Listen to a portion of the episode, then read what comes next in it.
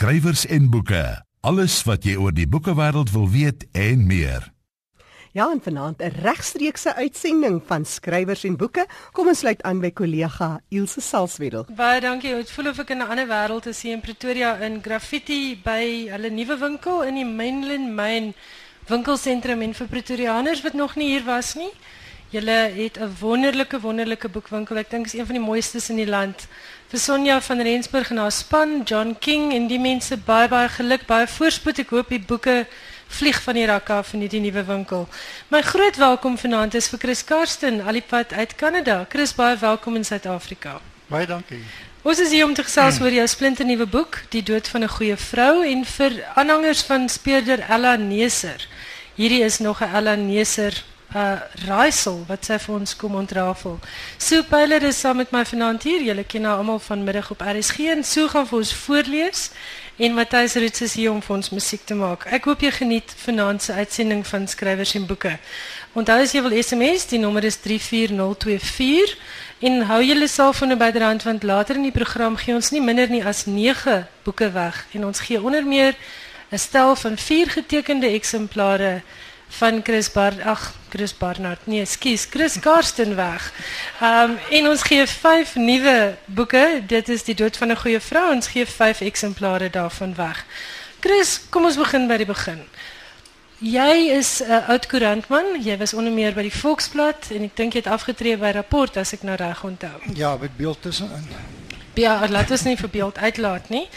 Uh waar het jou skryfpad begin? Is dit 'n ding wat jy altyd wou doen? Wel ek het ek het altyd gelees. Ek is baie lief vir lees van dat ek klein was en uh, ek dink my eerste skryfsel was uh, toe so 10 jaar oud was. So die oudtydse weergawe van uh, van 'n tweet so 140 karakters. Voor selfoon het jy om met 'n rook met vlamme en 'n rook sy Ja, hy uitgestuur. lê nog daar in 'n laai saam met seker uh, 100 150 ander sulke skryfsels. Ja. Ehm uh, wat die my eerste professionele skryfwerk het begin toe ek uh by die Volksblad in Bloemfontein begin werk het as joernalis en ehm um, my eerste eerste berig in die koerant som begin joernalis vergeet sy eerste berig in die koerant en my eerste berig was oor 'n prys van 'n blikkie olie wat verhoog is Soos 'n motorolie. en ek het dit omtrent geraam. Ja, mense is nogal heel, soos die Engels sê precious oor daai eerste stories na jy hou plakboeke en dan later dan dink jy ag wat. Uh, wie gaan dit ooit weer lees? Maar as jy sê jy het joernalis geword, neem ek aan die skryfding was iets wat jy van kleins af wou doen. Ja, kyk, soos ek sê, ek ek het altyd 'n groot leser gewees van van jy weet, daai tyd se boeke. Ek dink sulke goed soos Swart Luiperd en jy weet dit. En ek dink as mens ehm, 'n groot verbeelding het soos wat ek gehad het as kind, sekere manier het ek ek het seker maar nog 'n verbeelding, anders sou ek nie Ja, is nie te sleg nie hoor. Jou verbeelding is redelik uitloop. okay. So dan wil jy op die eind jou eie verbeelding uitleef veral op papier, jy weet, en dit is die gogga wat my gebyt het. Goed, toe is jy koerantman. Ehm um, jy was saam met soos verskeie ander grootes in ons misdaad, spesifiek in ons misdaad uh, genre. Rudy van Rensburg, Dion Meyer, jy, julle almal was by die Volksblad gewees. Uh, nou is daar iets in die water in Bloemfontein. Ek is seker daar is ja. En ek gaan nou volgende week na 30 jaar wat ek weg is, daar gaan ek nou vir die eerste keer weer terug Bloemfontein toe. En ek sien nogal uit daarna om weer 'n slag daar uit te kom. gaan jy 'n bekendstelling doen. Ja. Jy kan maar sê waar, dan kan die Bloemfonteiners lank Ehm, regmaak om te gaan. Ek dink dit is 'n exclusive boeksuitstalling by Nallen O, by die by die museum. by die museum. Goed, goed. Toe skryf jy 'n reeks waar nee, jy het weggespring met 'n jeugverhaal in Ja. 1985 wat bekroon is met die Sanlam Jeuglektuurprys. Tweede tweede prys. Tweede prys. Ag, oh, eerste prys, tweede prys. Ehm um, Om dit ewe. dis om dit ewe. Ehm um, en ten minste is die prys aan jou toegeken. Jy het hom nie self vir jou gekoop Nee, of so iets nee. aanlyn nie. Wat ek wil weet is hoe maak 'n mens die skuif van harde nuus journalistiek 'n koerant se se nuus is baie onmiddellik, dis baie intens, dis daagliks iets anders. Hoe word jy toe 'n jeugverhaal skrywer en hoekom? Wat was die wat was die sneller? Daar ek dink nie daar was spesifiek uh, 'n rede hoekom ek jeugverhale geskryf het nie. Ek het net gevoel, jy weet die koerant die voordeel van koerantjournalistiek is dit- dit leer jou die, die dissipline van skryf. Uh, jy weet kort sinne, kort paragrawe om feite oor te dra. En ek het net gevoel ek moet as ek eendag uh, fiksie wil skryf, dan moet ek uh, begin om om 'n bietjie die streng dissipline van die journalistiek te meng met uh, met 'n bietjie langer vloeiender, langer sinne en bietjie meer verbeelding en nie net feite oordra nie. En dit is maar die rede hoekom ek toe kinder dis die kinderboeke en dis jeugverhale besluit het en ek het toe een geskryf in 1985, ja, die ene en toe 'n klompie jare daarna nog een. Maar uh, skryfwerk is hare in 'n eensame werk en ek het toe agtergekom dit dit gaan nie heeltemal saam met my my day job nie. Uh en toe het ek nou maar eers bietjie agterweeg gelaat en my jy weet uh, journalistiek uitgeleef eers. Kom ons praat gou 'n bietjie oor skryf want skryf is mos eintlik baie maklik. Um, Daar's mos hierdie honderde miljoene skrywers om ons veral nou met die internet era kan almal mos nou skryf, maar kom ons praat oor daai ding wat so moeilik is. Hoe lyk jou skryfroetine? Want dit is nou deesdae eintlik 'n voltydse werk. Ja, sedert ek nou afgetree het en Kanada toe gereis het.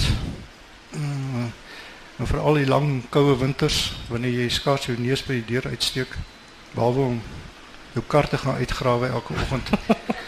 uh is dit eintlik 'n goeie tweede beroep wat ek wat ek nou het, jy weet. Uh, maar is 'n soos ek net nou gesê, dis harde werk en dis 'n eensame werk veral.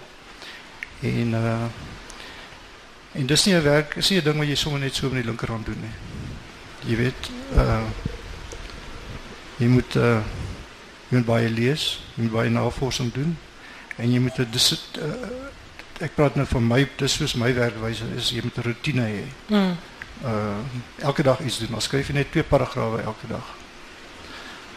Maar jy moet elke dag iets doen. Dis daai ou gesegde van never a day without a word? Jy moet elke dag ietsie skryf. Ek onthou ek was 16 jaar oud toe was ons by 'n of 'n ding by Universiteit van die Vrystaat en Auntie Krog het ons kom toespreek. Sy gaan dit nie onthou nie, maar ek onthou dit baie goed. Sy het groot indruk gemaak op my daai dag.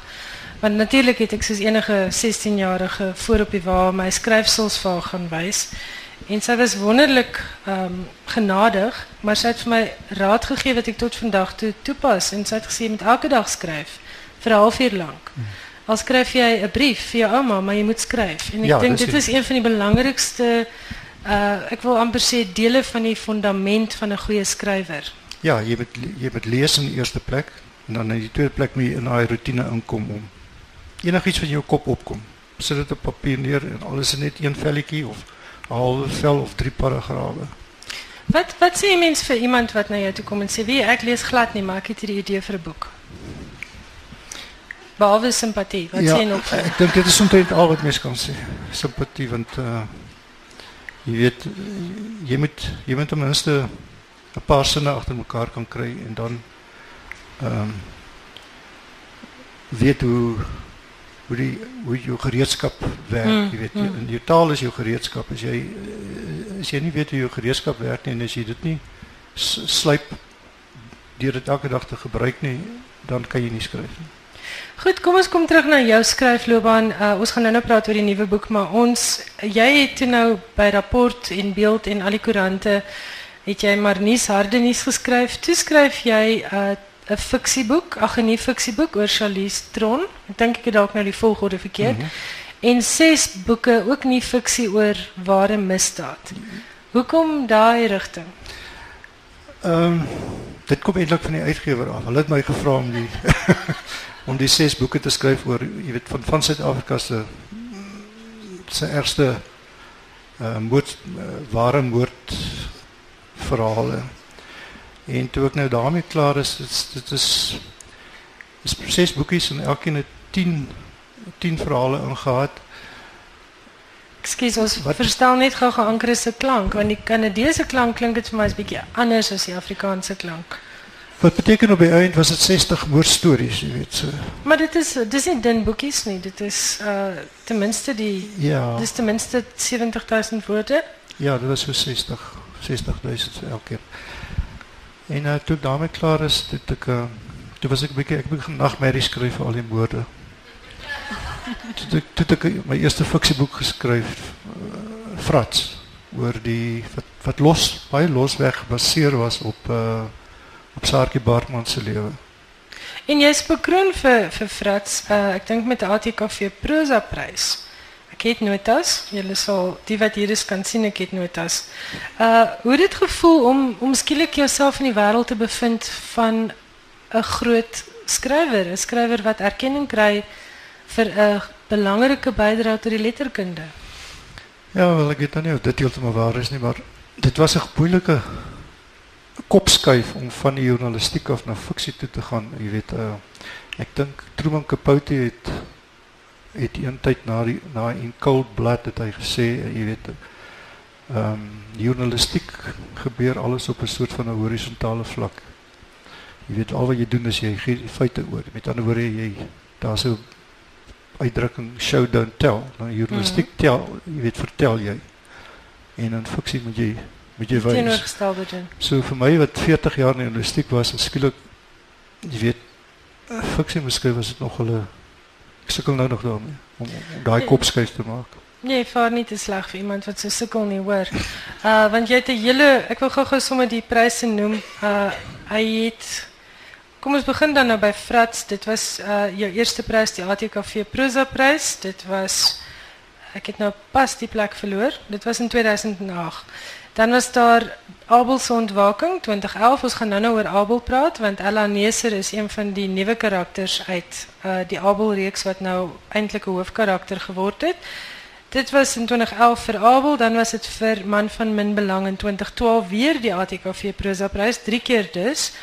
In 2011 het jy vir Abel se ontwaking ook die ATKV spanningsprys gekry en in ek het nou my datums bietjie omgeruil maar in 2009 vir seisoen van Sonde ook die ATKV spanningsprys. Dan was jy ook verlede jaar. Nee, ek ook. 2012. Dit is 'n lang ek het nie eintlik gedink is 2012 nie vir 'n man van min belang. Was jy tweede in die NB groot romanwedstryd. Hmm. En dan was daar ehm um, Mnet pryse. Ons het net nou gesels jy was 4 keer op die kortlys. Dis is daai wat sit nou weer die strooi meisie, maar jy is nog nooit die bruid nie, maar nee. daar is dan maar een van jou van jou boeke verfilm na aanleiding van die Mnet pryse. En dit is nou hierdie jaar uitgereik as die ontwaking en dit is natuurlik geskoei op die Abel, die eerste boek van die ja. Abel trilogie. En Sue Pyler, my kollega vanmiddag op RSG, gaan nou vir ons voorlees uit Chris Karsten se splinternuwe roman Die dood van 'n goeie vrou. Goeienaand luisteraars en ook al ons gaste hier by Graffiti Boeke. Nou ja, hier is 'n lekker voorsmaakie. By die swembad skud die seun nat blare uit die skepnet en kantel sy kop na die gekwetter en gekweel van tuinvoëls in die bome en struike om hom. Hy sluit sy oë oomlik en probeer elke voël aan sy lied eien. Die Diedrikkie. Die Piet my vrou. Geel vink. Rooi kop lewerik. Hoëveld klappertjie. Hy staan lank so stil met die steel van die skepnet in sy hande, luisterend. Dan lig hy sy gesig en tuur met skreef oë na die stil huis. Sy voorkop blink geparel met 'n effense frons. Hy lê die skepstok neer, druk sy pet na agter en vier die sweet met die soem van sy T-hemp af. Gebukkend by die tuinkraan spoel hy koue water oor sy hare, sy gesig, nek en sluk diep en gulsig uit 'n bakkant. Hy kom oorent, vee oor sy mond en sit die pet terug. Sy blik op die stoep. Hy begin oor die grasperk aanslenter, verby die bome en struike waarin die voëls fladder en sing. Verby die visdam waar net vet vislywe onder lelieblare in en uitdryf. Waar 'n spuitfonteintjie, 'n sambreel van druppels glinsterend soos kristalle in die velson laat hang. Verby verlate swembad speelgoed op lêstoele langs toegevoude sonsambrele. Hy bestyg die twee trappies na die skaduwee van die stoepdak. Bly by die patio tafel staan op die mat van 'n wilde dier se vel. Vee weer oor sy voorkop en bolop. Laat rus die hand op die rug van 'n stoel. Sy oë swewend oor die bekendheid van die stoep. Die verbleikte bokskedel met krolhorings teen 'n muur, hol oë wat hom vanoggend suspisieus betrag. Hy kyk weg na die ingeboude braaipek, af na die twee groot boepenspotte, in elk 'n welige plant, eksoties, onbekend. Hy betrag die dooie voël langs een van die potte. Vere donker en glansend soos licorice. Geel oogvlek, bekkenpootjies geel en slap. Atristis. Nes die erkenning van voelsang is die naam vir hom so onwillekeurig as die knipper van sy oë. Hy los die Indiese spreeu, asof die nou onbelangrik is nou dat hy dit geëien het. Aarsel 'n oomblik en slof na 'n skuifdeur. Binne is die gordyne toegetrek, maar die deur is effe oop. Hy lig sy oë vlugtig na 'n rooi sensoroogie. Druk sy hand plat by die skreef in en skuif die deur groter oop. Geruisloos op sy spoor. Eintlik een van drie groot skuifdeure. Op somerdae word almal opgeskuif. Die muur van gordyne oopgetrek, word die woonvertrek deel van die stoep en word hy op 'n Saterdagoggend genooi patio tafel toe vir koeldrank met blokkies ys. Hy wag. Geen alarm nie. Hy glip verby die swart gordyn in, steek dan binne in die looparea van die deur vas. In die skemering na die skerp son knip knip hy sy oë en snuif. In die bedompige lug hang 'n vaam mengsel van reukwater en lyfroom, maar ook iets anders. 'n Ondertoon wat vir hom vreemd is. Hy snuif weer. Probeer dit plaas. Die reuk van iets stofloos byna. Hy kreukel sy neus. Ja. Dis wat hier binne in die skemering daal. Saam met die lyfgeure. Die reuk van vrees en dood. Hy leun links en trek die gordyne groter oop. Skuins voor hom die rug van die groot rusbank. Oor kan die rak teen die muur met die TV en boeke en tydskrifte en vrolike gesinsfoto's regs die eetkamer en kombuis.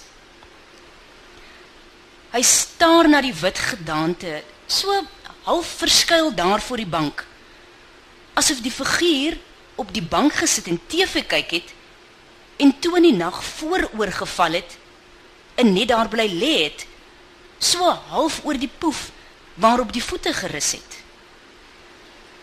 Hier binne is dit choopstil geen voelgeluide nie.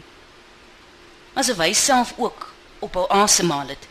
Asof die hele vertrek op iets wag. Hy tree traag nader. Steek agter die bank weer vas. 'n Sytafeltjie met sy staanlig het omgeval. Die gloeilampie lê steeds op die mat en gloei.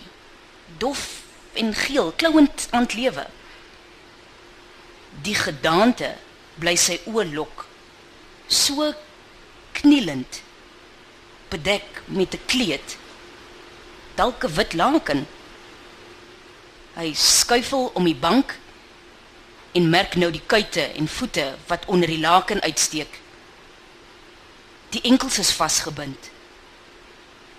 Van die enkels en kuite volg hy die obskure kontoure onder die kleed tot voor waar die arms weer sigbaar uitsteek. Ook die polse is aan mekaar vas. Die gesig en hare en lyf kan hy nie sien nie. Maar hy weet dis sy. Hy kan haar ruik. Hy herken haar geur. Hy gaan hurk voor haar en steek skie sy vingers uit. Hy aarzel 'n oomblik en raak dan sag aan haar arm. Haar vel is koud en grys uitgebloei. Maar die gekleed en mat sonder enige teken van bloed. Dis of sy net daar lê en slaap in die vreemde posisie onder die laken en in die nag al haar bloed verloor het, uitgesuig deur iets of iemand. Hy kom oorent, vry weifelend oor sy mond, draai dan om en stap uit. Hy trek nie die gordyn of skuif deur weer toe nie. By die tappatio tafel teeg hy diep. Haal sy selfoon uit sy broeksak. Sy skraal lyf ruk van die skielike geskel van 'n Hadida wat oorvlieg. Dis of sy linkerhand sukkel om die sel vas te hou terwyl die ander hand se vingers 1011 inpons. Hy meld sy fonds aan en beantwoord die vraag kort af. Terug by die swembad is hy ineens opnuut bewus van die bakkende son en die singende voëls en die geruis van stadsverkeer, van toeters en sirenes en die gekerm van 'n jaande motorfiets. Hy lig die steel van die skepnet op en trek die pet se tyd laag oor sy oë af teen die terugkaatsing van die skel ligskerwe op die water.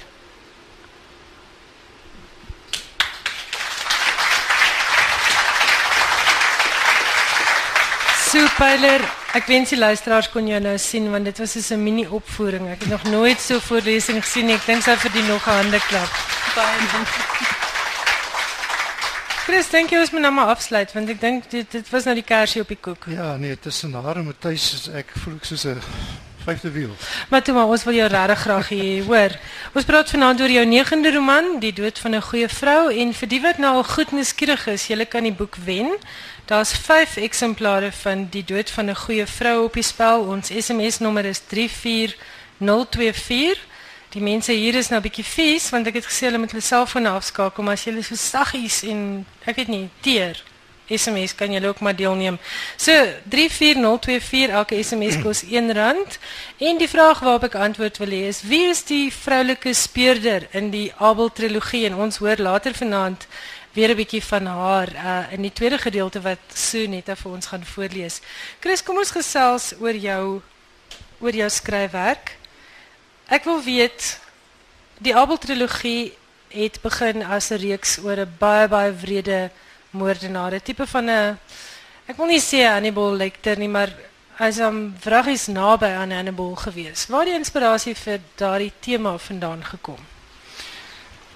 Ehm um, jy weet die, die uh, Lecter boeke, Hannibal boeke uh, is ook gebaseer op dieselfde ehm um, persoon as wat die Abel boeke gebaseer is. En dis 'n ou met die naam van Ed Gein wat in 1956 in Amerika uh gevang is en uiteindelik in 'n inrigting sy res van sy lewe in 'n inrigting deur deurgebring het uit en hy het verskriklike goed gedoen.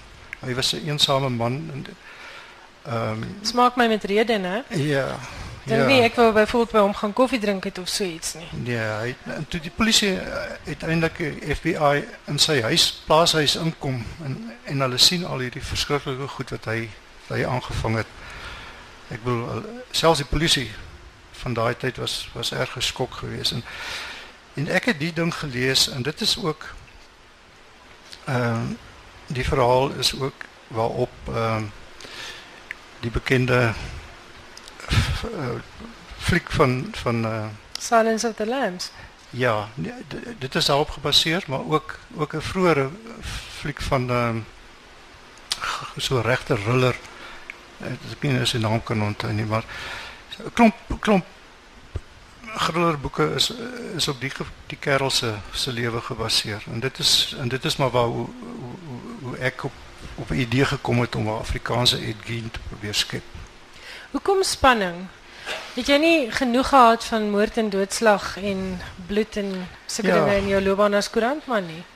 Ek het, maar nou weet ek ook die 'n bietjie van die agtergrond gehad van al die goed, jy weet, en veral toe ek klaar is met die ses boeke oor die ware misdaad het die uitgewers my gevra of, of ek nie lus is om so 'n fiksieboek te skryf oor jy weet oor jy weet 'n misdaad fiksie want ehm um, die sulke boeke was het erg gewild goed begin oor die hele wêreld was hulle erg gewild jy weet en het ek 'n bietjie gaan dink en toe val hierdie geval my by en toe probeer ek dit doen.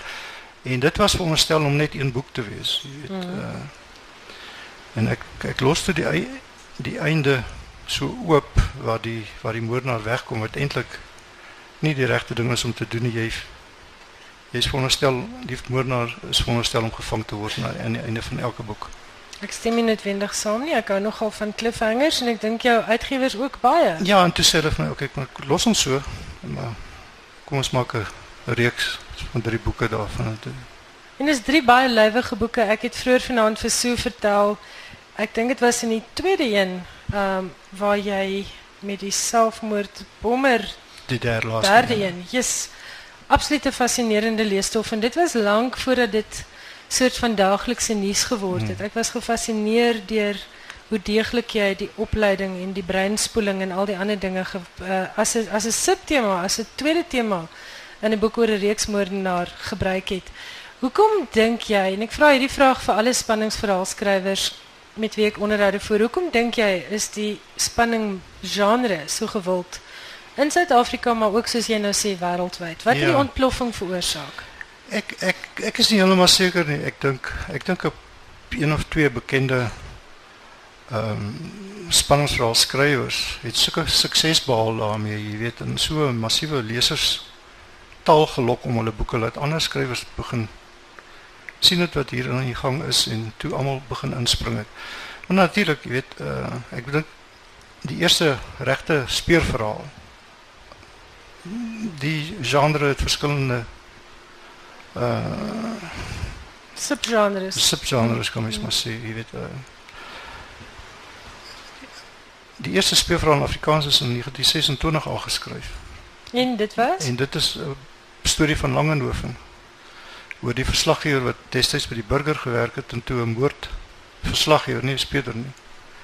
Wat toe uh, op die trein geklim het en Lady Smit toe gestuur is na 'n moord, Lady Smit in die Kaap om om om te oor 'n moord te gaan berig en hierdie joernalis het toe die moord opgelos. Wat toe Dit nog alles in my kraal gepas, jy weet. En dit klink soos daai, wat is daai party speletjie wat Cluedo? Hmm. Wat is daai ding waar almal 'n kans kry om die moord op te Ja, los? ja.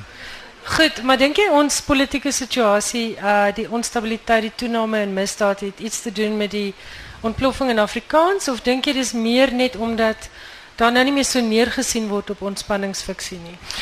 Ek dink die laaste. Ek dink nie die die geweld ge- gewelddadige samelewing het regtig iets daarmee te doen nie. Ek kan verkeerd wees, maar dit is my persoonlike mening. Ek wil die Skandinawiese Skandinawiese uh speurverhaalskrywers meer moorde word in hulle boeke gepleeg as wat daar ooit in hele Skandinawië gepleeg word, jy weet, so. Ja, ja, en ek bedoel dis regtig dis regtig 'n deel van die wêreld waar daar miskien 10 moorde 'n jaar is en hulle het die bloedigste boeke wat Ja. seker geskryf word. Ja, en selfs in Kanada wat ek nou begin leer ken ook, jy weet, uh, Halifax on- ons naaste stad. Ehm um, jy weet, daar's nou al hierdie jaar 8 moorde gepleeg en hulle sien dit is 'n epidemie, jy weet. So Reeksmoordenaar. nee. so nee, ek dink nie, ek dink ehm um, dit is maar 'n evolusionêre proses, jy weet, die hele ontploffing in die in die in die, in die genre. Wie lees jy? Lees jy misdaad of lees jy Ek lees nie baie misdaad nie, nee. Ek lees ek lees wyd, ek lees enige iets. Ek ek uh, jy weet van John Irving af tot biografieë en autobiografieë en en uh ek is op my bedtafel lê al is 'n bundel van al Hemingway se kortverhale. Jy weet ek is 'n groot Hemingway leser nog steeds en maar Lance Hemingway lê ook 'n bundel van H.P. Lovecraft se al al sy kortverhale, sy gruwels. Ek hoor elke keer die woord gruwel en nagmerrie en kan nie slaap nie, maar dit lyk vir my jy's maar 'n sakker vir punishment. Ja, nee ek is Het jou werk enige neerslag gevind in jou boeke? Gebruik jy soms van daai agtergrond, nie net die die die ervaring nie, maar spesifieke sake waaroor jy geskryf het wat jou dalk bygebly het? Ja, k- baie mense nie baie nie. Heelwat lesers het al kommentaar gelewer en gevra hoekom waar kom ek in al hierdie gruwelikhede van moordenaars? En uh waar ek aan hulle kom is uit die werklike lewe uit koerantberigte uit. Jy weet meer goed gebeur in die werklike lewe as wat ek ooit my, uh, sal kan uitdink. Mense dink my goed is die Abel karakter is is gruwelik dan uh, jy weet dan moet mense koerante gaan lees Net en kyk of wat regtig regtig vir 'n koerant werk, nee. Ja. Abel is besonder griesaam, maar jy het hom baie baie goed nagevors. Jy het sy sielkunde of die sielkunde agter 'n mens wat so eintlik 'n monster is. Mm. Weet jy, ongelooflik goed deurgrond en aan die einde van daai drie boeke voel 'n mens so half jy het jy definitief meer insig in die siege van 'n persoon met 'n ernstige gedragsafwyking want ek hoor mense mag nie meer sê psigopaat nie. Wat sit nou weer? Ehm um, daar's nou allerhande maar in elk geval ehm um, baie mal mens, regtig baie mal. Uh hy doen hy hy verwyder onder meer mense se velle nadat hy hulle vermoor het. Dit is regtig nie for the faint hearted nie, maar dis wonderlike ja. leesstof. Ja, maar kyk, hy sê ook, jy weet, hy sal as hy sou verkies het dat om niemand dood te maak nie, jy weet. As hulle net die velle As hulle vrywillig net wou 'n stukkie gee. gee want hy het dit nodig om sy as astronomiese aantekeninge te doen, sy sterrekundige waarnemings. Jy sien nog 'n rede hoekom ek regtig nie by hom sou gaan koffie drink nie, want ek hou nogal van my vel. Hou ook 'n paar goed binne, dit kan ek nou sê. Wat ek wil weet is, hoe doen jy daai daai sielkundige navorsing? Lees jy nou byvoorbeeld iets soos daai wat s'daai wonderlike omvattende werk daai die Amerikaners het, daai joernaal oor al die geestesafwykings en sulke goed. Lees jy dit of praat Ja. jy met dokters? Wat doen jy? Ja, ek probeer jy weet ten minste 'n 'n soort van 'n akademiese agtergrond kry dat ek weet waaroor ek skryf, jy weet. Uh vir die vir die al vir daai spesifieke albelboek het ek byvoorbeeld die uit 'n argief uit uh al die psigiatriese verslae gekry. Toe hulle hierdie Ed Gein ondervra het in die 50er jare na hom in egtenis geneem het en ook die die verslae wat in die hof ingedien is deur die psigiaters. Uh want hy het nie hy het nie eendag in die nie eendag in 'n tronk deurgebring nie. Hy is onmiddellik jy weet na inrigting toe gestuur. So daai daai daai verslae is alles wetenskaplike. Ehm um, En dit is beskikbaar in die openbare Uh, domein vir mense om te in die lees. argiewe ja, ja op die internet. En uh, jy weet ek dink dit is ook hoekom hoekom die Abel geval soveel empatie by by lesers. Hy's nie net 'n 'n koelbloedige moordenaar sonder rede nie, jy weet hy. Iets het net in sy siege verkeerd gegaan van kleintyd af. En uh, en uh, dit is dit is nie sy skuld nie. Hmm. Dit is iets anders wat hy het 'n kortsluiting in sy. So kom ons praat oor nurture versus nature. Wat is Dis jou presies gevoel? dit is presies wat daar gebeur het. Dis nie noodwendig ingebore nie, dit is sosialisering en mishandeling. Ja. Uh, so mense maak nie verskoning nie, maar dit gee mens werklik net 'n bietjie meer insig in so mense se lewe. Ja. En dit is dink ek ook 'n tema wat ek raak gelees het in die verdwyning van Billy Katz. Dit is vir my fantastiese ontknoping geweest van die hele storie, maar daar het mense ook gesien hoe 'n uh, 'n hele ek wil ek wil sê tragedie op tragedie ontketen is deur deur 'n ding wat in 'n klein tyd met iemand se gebeur het en wat sy hele lewe skeef Ja. getrek het en daarmee saam almal rondom hom beïnvloed het. Ek wil nou by jou weet, hoekom het jy 'n vroulike hoofkarakter gekies toe jy 'n speurder gekies het vir die Abel trilogie en dan natuurlik nou vir die boeke daarna waarvan die dood van 'n goeie vrou een is. Ek wou net 'n bietjie weggekom het van die stereotypiese manlike speurders, jy weet wat meeste van hulle is alkoholiste en vrouens het hulle gelos en eh, ek wou 'n 'n effense naïewe uh vroulike k- karakter gehad het en sy was baie naïef met die Abel boeke maar sy het, hierdie is nou die 5de boek en sy het nou mense kan sien hoe sy groei. Uh En sy Sy- het sy definitief ook nog maar sy sy's nie meer naïef nie, maar sy het haar passie behou en dis vir my so 'n wonderlike eienskap. Ja, ja, nee, en uh, jy weet en ek wil nou nie 'n vroulike James Bond geskep het nie. Dis hoekom sy sy moet maar broos gewees het en naïef en sy is nog steeds in sekere opsigte.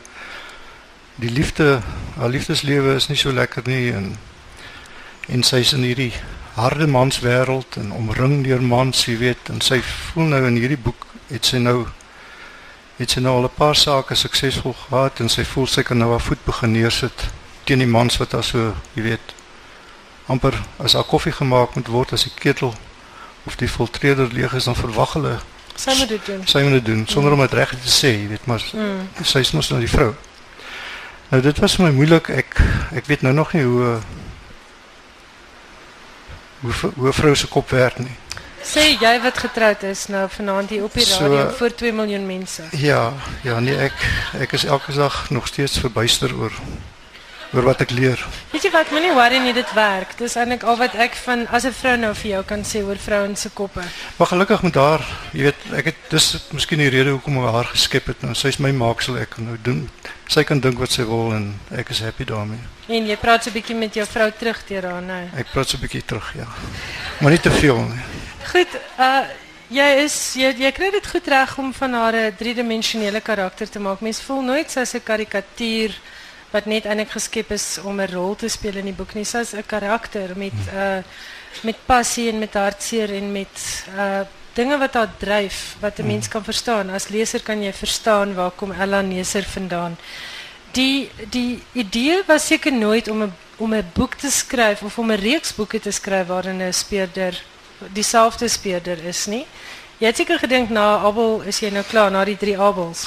Ja, ek het ek het aanvanklik so gedink, maar sy het ek het ek het so baie van haar gehou dat ek gewonder het hoe gaan ek haar laat herleef en maar toe het ek twee boeke intussen daarna geskryf, jy weet, losstaande wat niks met haar te doen het nie en toe het ek besluit om nou maar met die verdwyning van Billy Katz het ek gedink om haar ehm te laat herleef want sy Mm. sy sy het my agterkop bly sit en dit sy het eintlik vir my by my kom pleit dat sy nog nog uh, 'n kans wil hê, jy weet. Vertel vir ons van hierdie affair met Ella Neser. Want ek kom agter skrywers het almal hierdie geheime verhoudings met die karakters in hulle koppe. Hoe wen, hoe meng dit in met jou huwelik?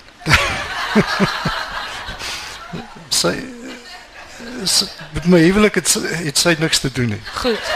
Maar sy help my om uh verligter, mensliker oomblikke, jy weet, Ja. laat mense nie- laat ek nie nagmerries kry oor oor moorde nie. Want Ja. sy en sy is regtig 'n gewone mens, jy Mm. weet. Sy's nie beeldskoon nie, sy's aantreklik maar nie beeldskoon nie. Sy's miskien miskien 'n bietjie maar, sy spot met haar eie figuur.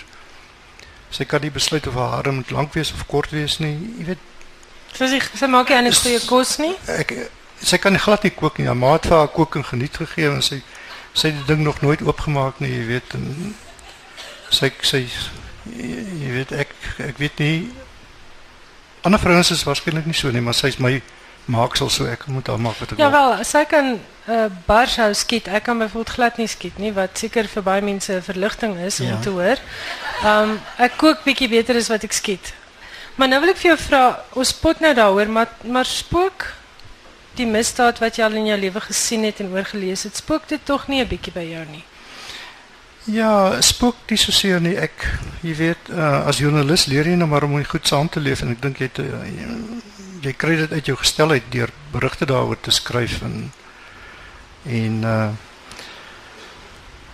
miskien dieselfde met met hierdie fiksie, jy weet jy weet niks wat jy hier skryf is is is gebaseer op die werklikheid. Die wat my wel by my gespook het was daai uh, ware misdaad Ja. reaksie weet omdat jy omdat jy weet en dit is wat gebeur maar ek bedoel fiksie fiksie eh, enige leser van fiksie weet dit is nie waar nie wat hier gebeur nie jy weet dit is dit dit dit is 'n dis 'n ver, verbeeldingsvlug so uh, ek dink dit is ook die rede hoekom mense bly lees sulke sulke boeke bly lees ongeag die gewelddadige gewelddadige samelewing waar, waarin jy leef jy weet dis ontvlugting Maar ek moet vir jou sê ek gaan hierna anders kyk na engelvlerke hoor in enige kerstoneelstuk wat ek bywoon.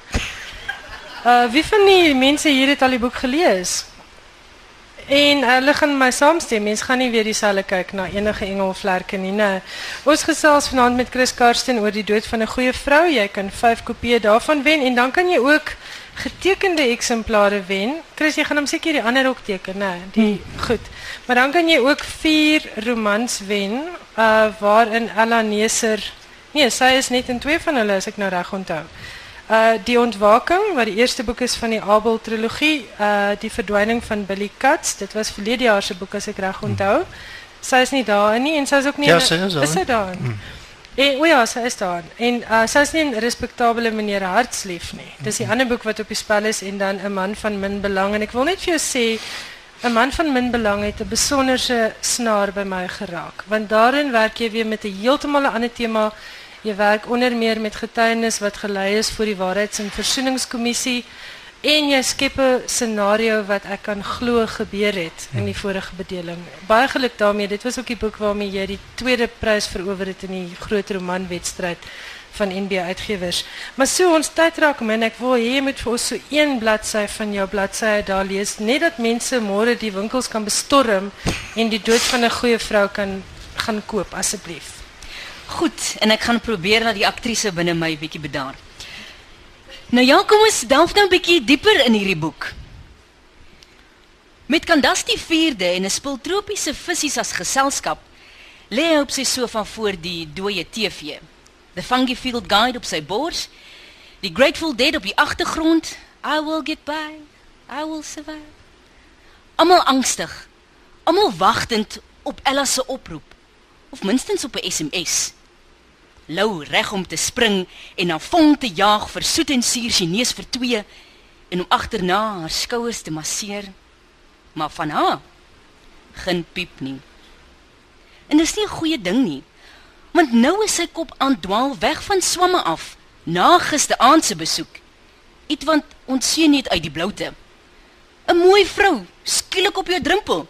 Wie sal nie 'n wind sluk nie, veral as dit boonop jou mooi eksvrou is. Hy reken 'n toevallige en oningeligte waarnemer sou maklik oor Lente en Ella kon dink. You lucky bastard met so 'n ex en so 'n lover. Maar oh east is east and west is west and never the twain shall meet. Dalk moet hy Ella weer 'n slag SMS.